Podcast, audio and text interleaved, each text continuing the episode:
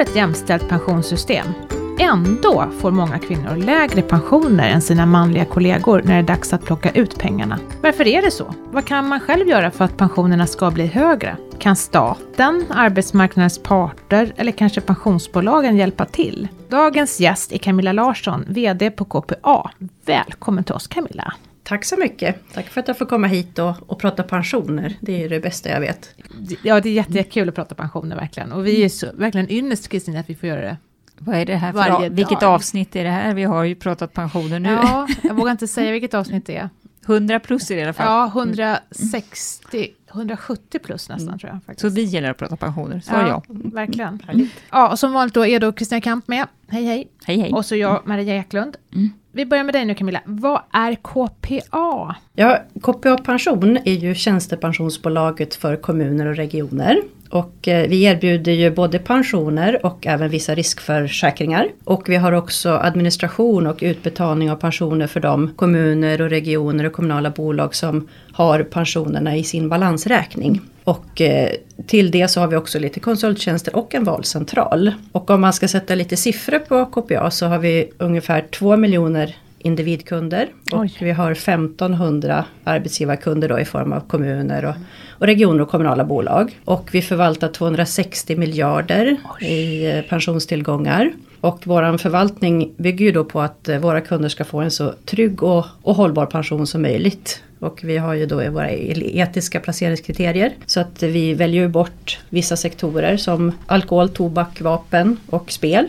Och eh, de andra företagen försöker vi påverka då och göra våran insats för ett eh, klimat, eh, för hela klimatomställningen i samhället då. Och en, en ganska häftig sak är ju att KPA fyller 100 år i år. Mm. Jaha, det visste vi inte. Nej, Nej det visste vi inte. Ja, Hur ska jag, ni fira det? Ja men det måste vi fira såklart. Ja. Men det jag tycker är lite spännande är att liksom försöka tänka tillbaks 100 år när vi bildades. Ja. Hur såg Sverige ut? Och jag tänker Fogelströms 1922. böcker. 1922 ja. Men alltså då fick man alltså tjänstepensioner i kommuner och regioner? Ja det fanns en liten mm. pensionskassa då. Inte då lika bred som Nej. den är idag. Utan vi har ju då utvecklats tillsammans med den kommunala sektorn mm. och fått fler och fler kunder. Men vi startade litet litet då. Ja. Mm. Mm. Alekta var väl möjligen före men annars är det ni ja, då? Ja, precis. Tvåa på bollen. Precis. Ja.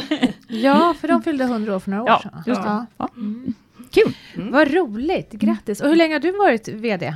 Eh, ett år. Ett år. Mm. mm. Och vi har ju haft din företrädare här i podden också, Britta Byrå. Mm. Mm. Tidigare. Så länge har vi hållit på. Så länge har vi hållit på. Apropå hur länge vi hållit på. Ja. Mm.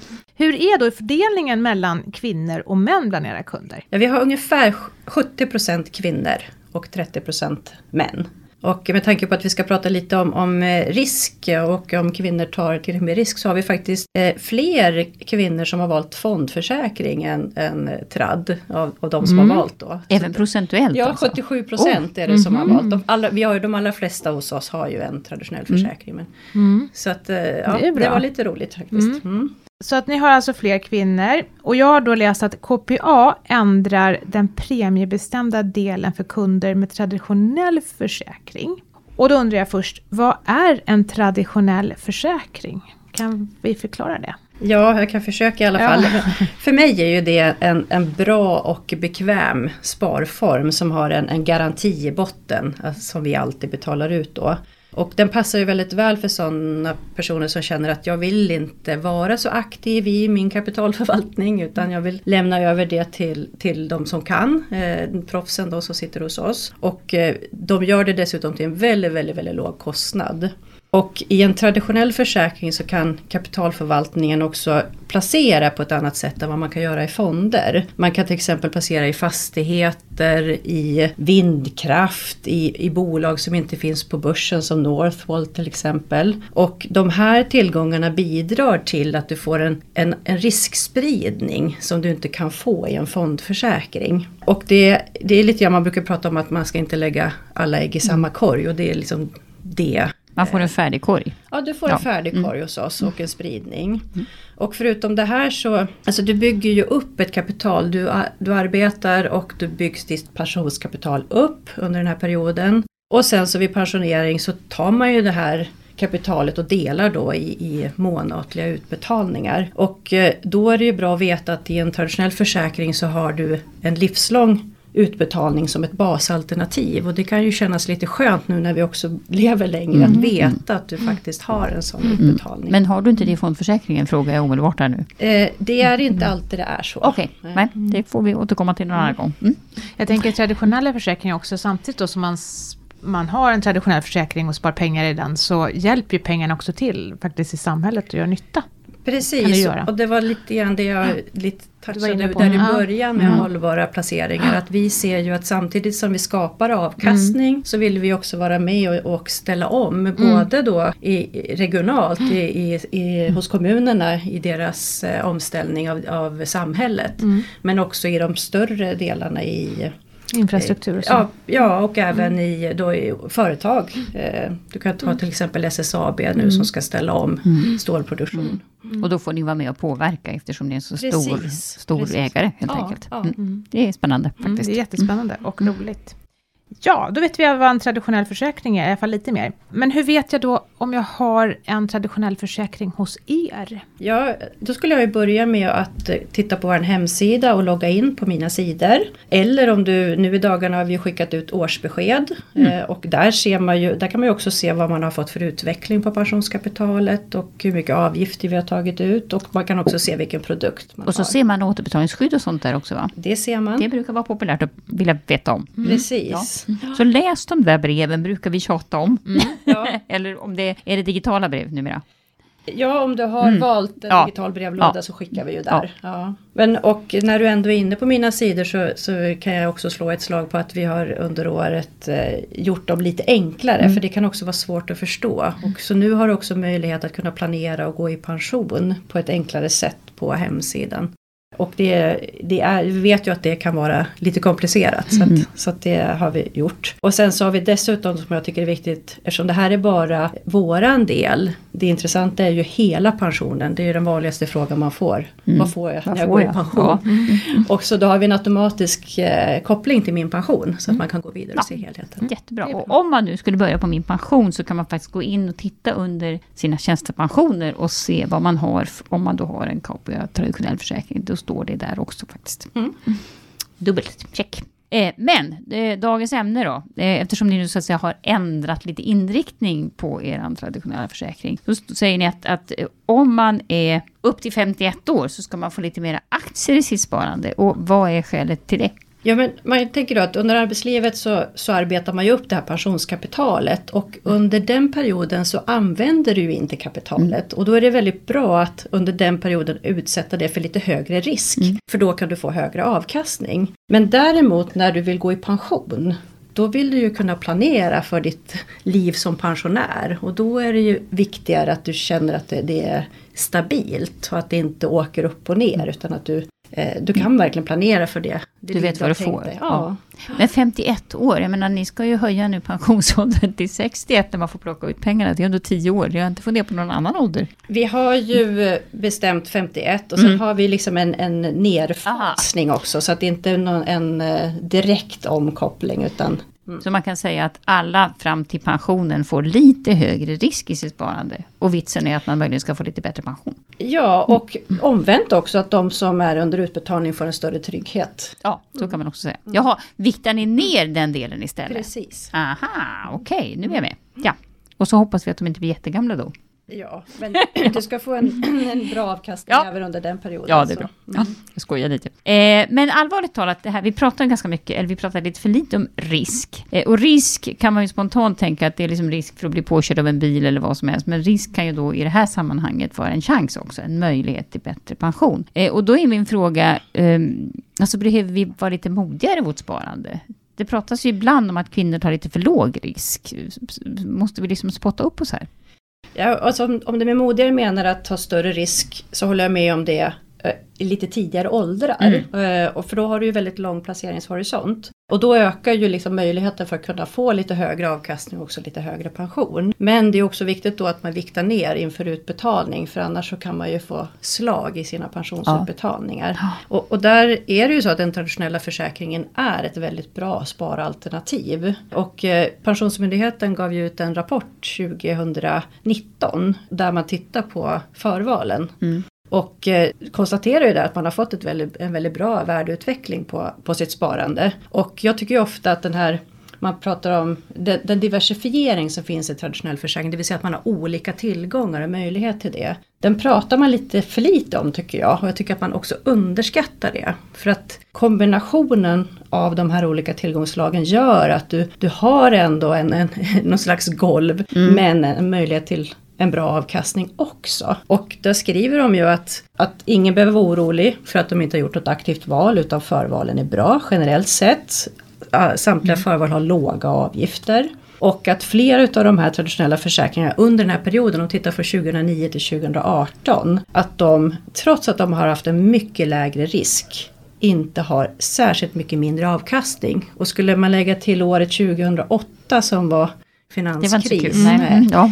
Då skulle det till och med vara högre ja. avkastning. Eh, nu är det här under en tioårsperiod då, mm. men jag tycker att det här är värt att, att, lyfta fram mer än vad, kanske, vad som görs idag. Ja, för det är klart, ett, ett väldigt dåligt börsår kan ju ta ner tillgångarna väldigt mycket, så de kan vara svåra att hämta igen. Och då faller inte den traditionella försäkringen lika mycket. Precis, mm. så att om man då mm. tänker att man är en, en av de här eh, kvinnorna hos oss, mm. och så gör man en, en sammanvägning av att ja, det är låga avgifter, jag kanske inte vill vara aktiv. Eh, du har de här placeringsmöjligheterna som jag pratar om. Och vi har den här indelningen i olika livsfaser. Du får en möjlighet till livslång utbetalning. Då tycker jag faktiskt inte att man behöver vara så mycket modigare än att placera i, i vår traditionella försäkring. Fast ni har ändå lyft risken för de unga. Det är ju ja, det ni har gjort. Absolut. Hur Nej, men, så ni måste ju ändå ha tänkt det. att vi behöver boosta det här lite grann. Givet den ja. förändringen vi gör ja. så tycker jag att det här, då passar det alla livsfaser. Mm. Det är det som är min mm. poäng. Mm. För att ni är ju inte ensamma i det. Man kan ju faktiskt säga då att um, det ska vi säga då att förvalen i de andra stora kollektivavtalen, de ligger också i traditionella försäkringar. Det är väl så man har bestämt på, all, på alla håll. Sen har vi ju premiepensionen då i inkomstpensionen, alltså den allmänna pensionen. Den är ju då inte en traditionell försäkring, utan där lägger man ju sig i aktier. Men även där är det lite grann samma tänk, att man har ju boostat. Alltså man väljer ju att lägga aktier fram till man fyller 56, tror jag. Och sen drar man ner risken. Eh, dock var det så faktiskt när, när premiepensionen startade, så var, såg det helt annorlunda ut. Då hade man faktiskt högre inslag av räntor även i, i det förvalet. Men även de har tänkt om. Så att det verkar som att alla har tänkt om under resans gång och tänkt, har det någonting att göra också med att vi blir äldre än tidigare?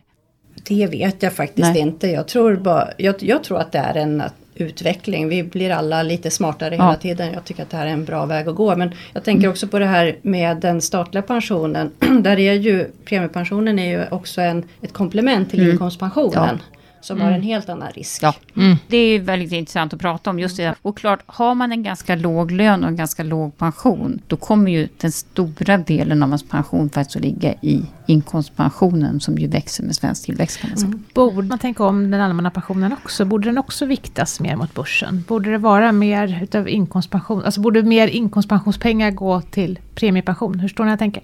Borde man vikta om den? Nej men jag, jag tycker nog inte det. Utan mm. jag tänker att vi får ju pension från flera olika håll. Och då, som jag sa den statliga pensionen består ju av två olika delar. Mm. Eh, där det finns ändå en, en bas. Och sen har du PPM då som är riktad mot börsen. Och sen har du tjänstepension då som i en traditionell försäkring får en mix av de här fina tillgångarna. Och sen så har du kanske själv ett sparande. Och det kan ju vara allt från att du amorterar på huset till att du har ett, ett gammalt pensionssparande. Mm. Mm. Eh, så, så jag tycker nog att det är en ganska bra mix och ett bra och stabilt system. Vad säger du Kristina? Mm, du vet vad jag ja. tycker. Men, nej, nej, men jag hade väl möjligen... Alltså det är klart, man kan inte hålla på att flytta inkomstpensionen hur mycket som helst heller, eftersom man har... Alltså det är ju egentligen ett, ett, ett kedjebrev kan man säga. Alltså de pensioner som, som betalas ut idag tjänas ju in av de som fortfarande jobbar. Och då kan man inte säga, nu flyttar vi alla de här pengarna till premiepensioner. Däremot skulle man kunna tänka att eh, om man ökar eh, inbetalningen till den allmänna pensionen. Mm. Så man så att säga plussar på det man pratar om, det som ska vara 18,5 istället för 17,25 eller vad det är för någonting. Då kan man väl möjligen fundera om den här ökningen skulle kunna gå till premiepensionen istället för mm. att sannolikt höja avkastningen något på sikt. Mm. Men det är, man får tycka olika. Mm. Men tillbaka till det här med kvinnligt och manligt. För att många andra undersökningar över tid har ju ändå visat på något sätt det här att kvinnor tar lite lägre risk. Nu gör de naturligtvis inte det i icke-valen. Eh, och då kanske det till och med är bra att att, att skulle, kan det till och med vara så att kvinnor kommer att ta lite högre risk i att man väljer ett icke-val istället för att de hade valt själva? Tror du det? Så kan det vara. Mm. Nu ligger de allra flesta kvar i eh, våran entrélösning när det ja. gäller fondförsäkring. Och där har ju vi också gjort den här mixen att du har lite mer risk i, i början. I början. Och, okay. och sen ja. så växlar vi ner då. Men eh, så kan det absolut vara. Ja. Mm. Eh, pratar ni om det här eller pratar era kunder om det här? Att man, hur man ska, om det är ungefär läskigt med aktier eller inte? Nej, det skulle mm. jag inte säga att vi mm. är på aktienivå när Nej. vi pratar. Tyvärr är ju eh, kanske pensioner upplevs ju som svårare än så. Ja, så ja. Den nivån kommer man nej, inte nej, till. Nej. Men det pratas ju om att män då tar högre risk och i så fall skulle kunna få högre avkastning. Eh, ja. Är det här en myt? Nej men visst, det finns ju studier som visar på att, att män är mer riskbenägna än eh, kvinnor, absolut. Eh, och det är klart att det kan ju, allt annat lika så kan ju det påverka utfallet. Mm. Men eh, och om man skulle tänka sig att kvinnor sitter med allt sitt sparande på bankkonto och i räntefonder. Det är ju mm. verkligen inte bra. Nej, nej. Men sen finns det kanske män som utsätter sina pengar för lite alltför stor risk mm. och inte använder sig av den här diversifieringen. Och, och eh, nu var det visserligen bara under ett års tid som man tittade men Avanza kom med en en, en undersökning eller visade upp sina kunder beteende de senaste 12 månaderna. Mm. Och då har kvinnorna mer fond placeringar och män har mer aktier som gör att det blir de har faktiskt haft en högre avkastning under den perioden. Ja. Mm. Som har varit lite spretig i och för sig. Men, men det, är, det, ja. Ja. är det därför som det oftast är så att kvinnor då får lite lägre pensioner än, än män? För att männen är modigare? Kan vi dra den slutsatsen? Det är klart att det, om det, allt annat lika skulle det vara så, men det är absolut inte det som är det stora problemet Nej. med att kvinnor har lägre pensioner, utan där är vi ju inne på livsinkomstprincipen. Ja. Och att kvinnor, Låga löner? Det är en sak, mm. eh, men det är också så att vi har en en ojämlikhet vad det gäller eh, det obetalda arbetet. Mm. Det vill säga att kvinnor jobbar ju mer deltid och man är, har mer eh, föräldraförsäkring. Och, och, det här är ju ett område som politikerna och parterna tittar på att kvinnor jobbar. De måste ha ett mer mm. hållbart yrkesliv, måste jobba mer helt enkelt. Och för oss som förvalsbolag, då, nu när vi har 70% kvinnor, mm. så vi tycker att det här är en väldigt viktig fråga. Och vi försöker ju lyfta fram det så mycket vi kan. Mm. Eh, och det handlar ju om att kanske öka, ja vi försöker öka kunskapen. Vi har olika typer av utbildningar mm. eh, som våra arbetsgivare och fackförbund uppmanar oss till. Och vi har också tillsammans med Annika Kreutzer tagit fram en, en bok eh, som heter Ta makten över din pension, 10 fällor du som kvinna ska undvika. Mm. Och den har vi gjort om till en mer digitalt format mm. så den kan du hitta nu på vår hemsida under pensionskollen. Åh oh, vad bra. Eh, och sen så har vi också i, i våra eh, reklamfilmer har vi eh, en som heter Gympapåsen och vi hade en som heter Spela som tjejer där vi också lite mer lustfyllt mm. försöker lyfta mm. fram de här frågorna. Men vi tycker att det här är jätteviktiga frågor. Vi ser ju på Min pension, när vi har tittat på då vad man kan förvänta sig att få i pension, så ser vi ju ändå, det som är roligt att se, det är att skillnaden mellan mäns och kvinnors pension minskar om vi tittar på 80-talisterna. Ännu så länge, säger jag peppar peppar. Det här gapet, man pratar ju om att dagens pensionärer, där är skillnaden på man, mäns och kvinnors pension typ 6 000 kronor i månaden eller något sånt där. Och tittar vi på 80-talisterna så kanske vi pratar om 3 000 kronor. Men ändå, det är ändå 3 000 kronor. Vad, vad ska man som kvinna göra då? Ja, Vad är eh, dina tips? Mina tips? eh, nej men jag tänker ju att dels så ska du ju säkerställa att du jobbar så mycket som möjligt. Eh, heltid, inte jobba deltid. Min personliga uppfattning är ju att det här börjar ju när man skaffar barn. Mm. Det är därför jag är lite nyfiken där, på 80-talisterna. Stödjer inte statistiken det också? Jo, men, jo mm. det gör det. det. ja. Därför att det är mm. fortfarande 70% av föräldradagarna som tas ut av kvinnor. Mm. Eh, och sen har vi faktiskt i den andra änden av livet då så är det också 70% av, av kvinnorna som tar ut eh, eh närstående penning. Mm. Man ska ta hand om föräldrar mm. också. Eh, och sen när man kommer då till det här med att jobba deltid. Då är det ju 25% av kvinnorna jobbar deltid medan det är 11% av männen. Så där har vi också eh, fakta. Eh, så att, eh, och lite som du sa Kristina, det är ju 69% av pensionen får ju kvinnorna ut av männens pension då. Och det, det, visst finns det kvinnor som aktivt väljer liksom, att, Mm. att vilja jobba deltid och eh, ta mer av föräldraledigheten. Och, och, och självklart har man ju ett eget val. Men det jag tycker är viktigt är att man också eh, tittar på vad blir det för konsekvenser i, i nästa fas Mm. i livet när man går i pension.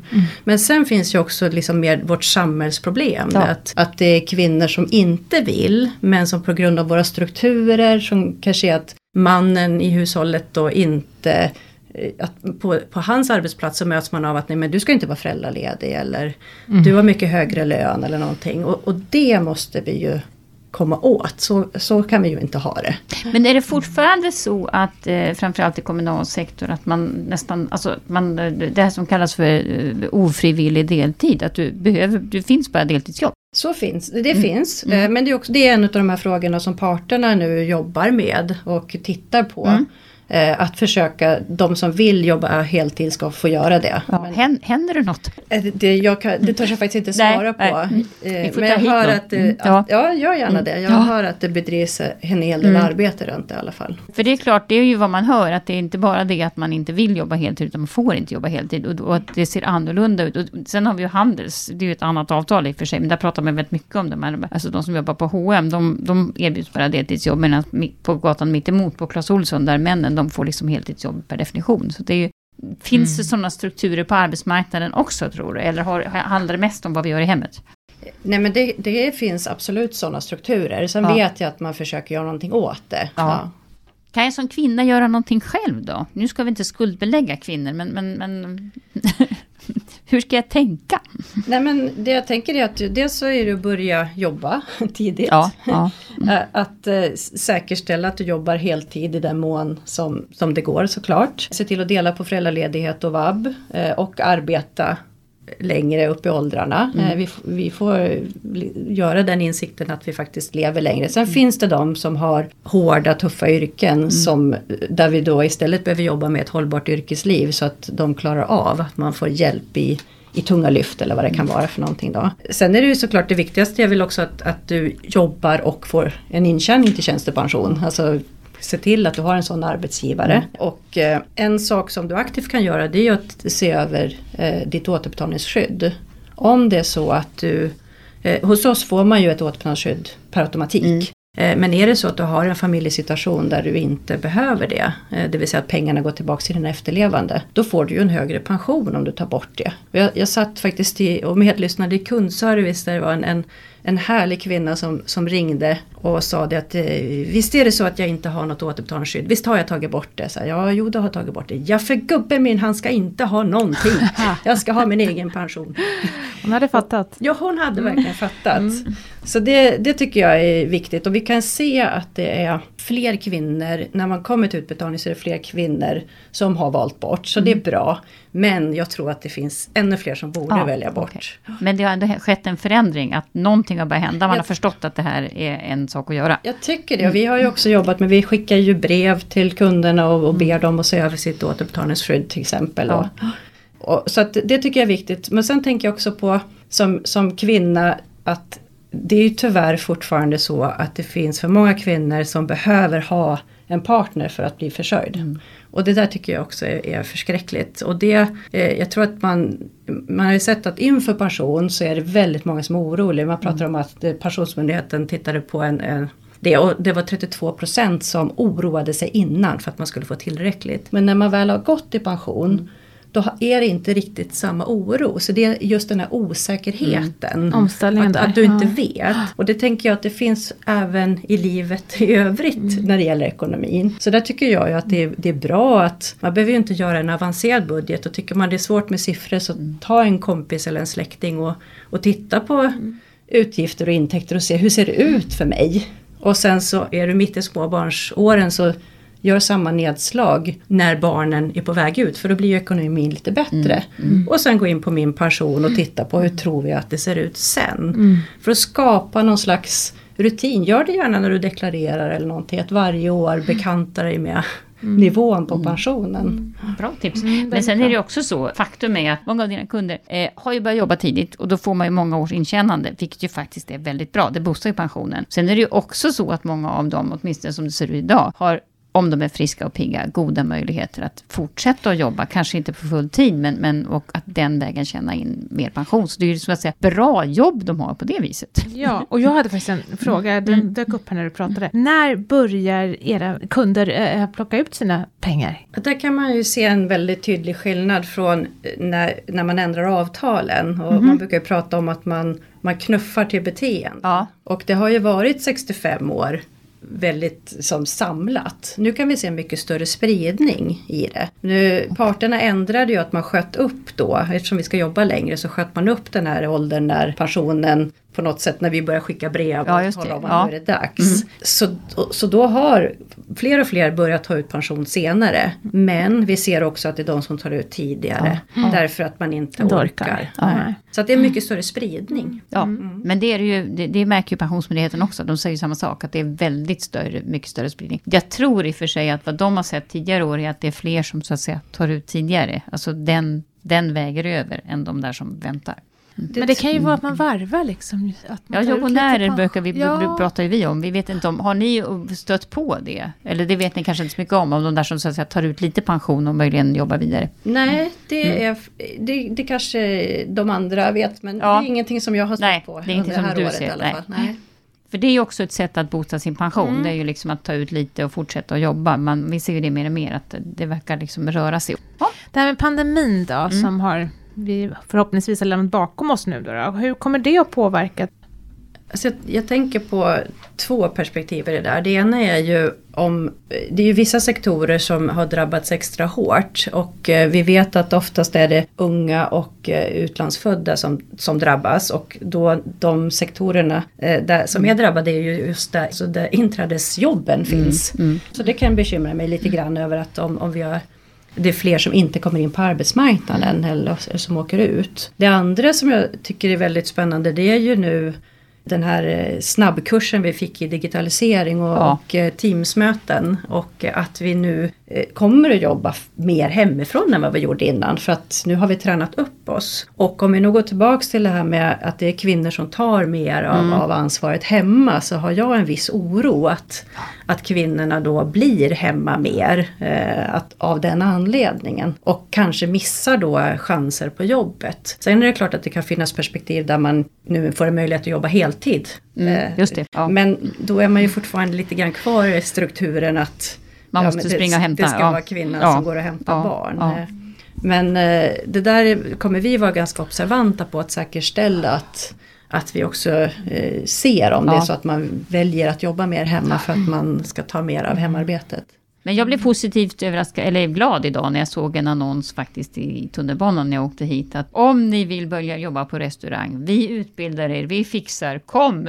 Ungefär, du behöver inte ha någon som helst erfarenhet, vi vill efter gärna att du kommer och jobbar åt oss. Så att det är väl en effekt efter pandemin, att det var ju mm. många som försvann från restaurangbranschen som vi hade jättetufft. Eh, och nu är det naturligtvis svårt att få tillbaka dem, för de kanske har valt andra karriärer i sitt liv. Så att där behövs det uppenbarligen folk. Mm. Och det, där krävs det då uppenbarligen ingen erfarenhet heller, utan man, ja. man får Jag ska säga det, våra kunder har ju snarast jobbat mer ja. under den här perioden. Ja, och verkligen stått i frontlinjen i, i pandemin mm. och tagit en stor smäll. Stor smäll ja. Och kanske blivit sjukare och så också, det vet man ju inte förstås. Jag skulle vilja lägga till en sak, där det kanske inte har med, med pension att göra, men jag har ju själv tre döttrar. Mm. Eh, och jag tycker ju att det är viktigt ja, för mig som mamma. Men mm. att de verkligen kan försörja sig själva. Ja, verkligen. Så det där pratar vi om och, och, vi kanske inte har, jag har väl inte så politiskt korrekt uttryckt men, mm. men skaffa det fuck off pengar säger ja. jag. Nej men alldeles rätt. Och det intressanta mm. är att jag tror, alltså jag tror ibland att vi pratar om det här som ett problem som ändå, jag tror att det är ett övergående problem. Jag tror att det är dagens kvinnliga pensionärer som har det tufft. För att de har haft en helt annan arbetsmarknad. Och, och framförallt många fick inte tjänstepension eftersom man inte fick tjänstepension om man jobbade på timme eller vikariat. Och det var mm. dessutom ingen som talade om det för dem.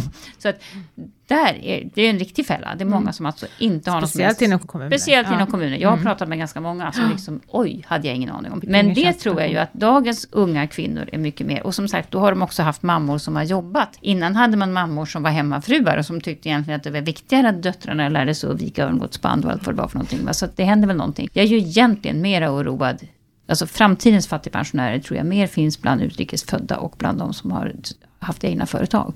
Mm. Det kan ju vara positivt. Jag tror som sagt dina döttrar kommer att klara sig alldeles utmärkt. De kanske har högre ja, pension nej, än sina gubbar. Sen tror jag inte liksom att man bara kan slå sig till ro och säga att det är tio generationer var hemma på ett sätt och, och mm. man växte upp i ett sånt samhälle. Utan jag tror faktiskt att vi måste påminna våra barn, våra mm. döttrar, mm. om det här. Det finns strukturer med. kvar i Ja, samhället. det finns absolut ja, strukturer okay. kvar. Och det är väldigt mysigt att vara hemma med barn liksom. Och, mm. Kanske inte tillåta att mannen kommer in på samma sätt, pappan då liksom. Och, Nej, det är sant. Men, men, tycker du då, det låter ju ändå inte som att du tycker att man borde ändra på pensionssystemen för att så att säga rätta till dumma strukturer i efterhand? Alltså jag, jag tycker att pensionssystemet är uppbyggt på ett, eh, ett hållbart sätt. Mm. Eh, men däremot så fungerar inte fullt ut med de samhällsstrukturer vi har. Nej. Och lite som du också säger att nu har vi ändrat systemet, vi hade en, ett annat samhälle tidigare. Jo. Så de som har kommit in nu då många kvinnor, det är många av våra kunder som har väldigt låga pensioner. Mm, mm, mm. Eh, där har det ju blivit ett problem som man på något sätt måste ta hand om. Men Sam systemet i sig mm. är ju robust. Ja, samtidigt har du ju det här pratet om respektavstånd och det är väl faktiskt många av dina kunder som alltså råkar ut för det där att jag har minsann jobbat hela livet fast med låg lön och sen de där andra får nästan lika hög pension som jag. Eh, Absolut. Eh, ja. Nej men vi är ju på något sätt har vi tagit fram ett system men mm. vi har ju inte levt oss igenom det systemet Nej. tills det är klart. Nej. Eh, och då uppstår ju precis de här sakerna. Mm. Och jag, jag, kan förstå att, man, eh, att det sticker i ögonen. Mm. mm. Kanske men, ja. måste lappa och laga lite då. Men, men ja. kanske inte så att man bygger ett system för kommande generationer. Men, utan man ska hålla det system man har och hoppas att det rättar till sig. Eller? Alltså, lite så tänker jag i alla fall. Men med respekt för de som har det riktigt svårt. Att man mm. behöver ju hjälpa till ja. på något sätt där. Mm. Jag tänker att nu höjer ju faktiskt eh, ACAP KR, som det nya avtalet heter då från 2023, nu höjer ju avsättningen mm. för pensionen upp till 6 ifrån 4. Ja, så det är ju, ja. ja, 4,5 till 6, just mm. så, 1,5% Men det är ju också ett sätt faktiskt att, att skapa ett bättre respektavstånd, tänker jag. Plus, Absolut, ja, plus då att ni då har viktat om er portfölj. Ja. Mm. Så det känns som att det är två goda saker som gör att faktiskt respektavståndet blir lite större just för ja, kommunal och regioner. Ja. Och dessutom så har vi också så jättefina eh, nyckeltal. Man brukar prata om solvens i mm. sådana här sammanhang. Ja. Vilket gör att vi kan också ta lite mer risk på helheten. Så mm. vi håller också på att vikta om våran kapitalförvaltningsportfölj helt mm. enkelt.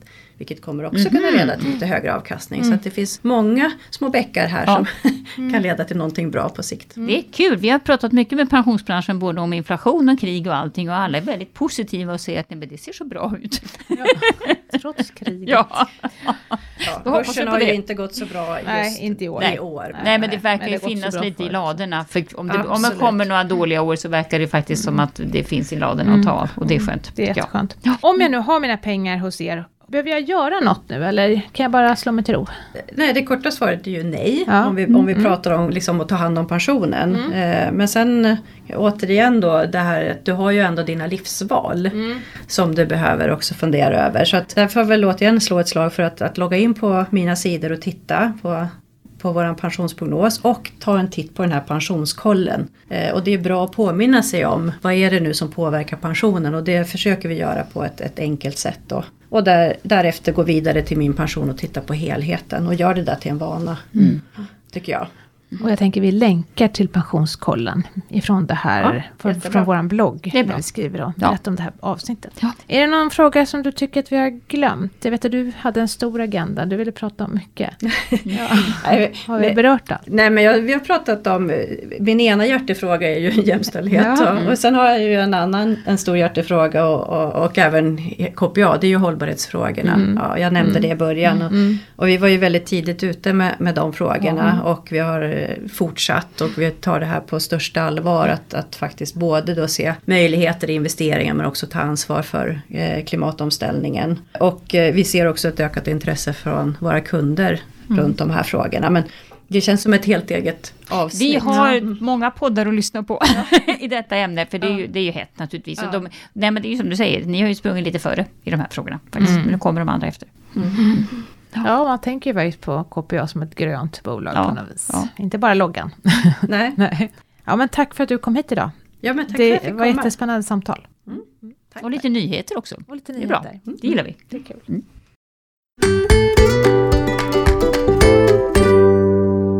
Då är det dags att eh, prata Ja, om är jag. dagens fråga. Ja. Mm. Mm. Och den har vi fått ifrån en 63-årig kvinna som längtar efter att få trappa ner heltidsarbetet de sista åren. Det, ja, det har vi pratat lite grann om idag också. Och hon undrar två saker. Ett, om uträkningen på min pension stämmer.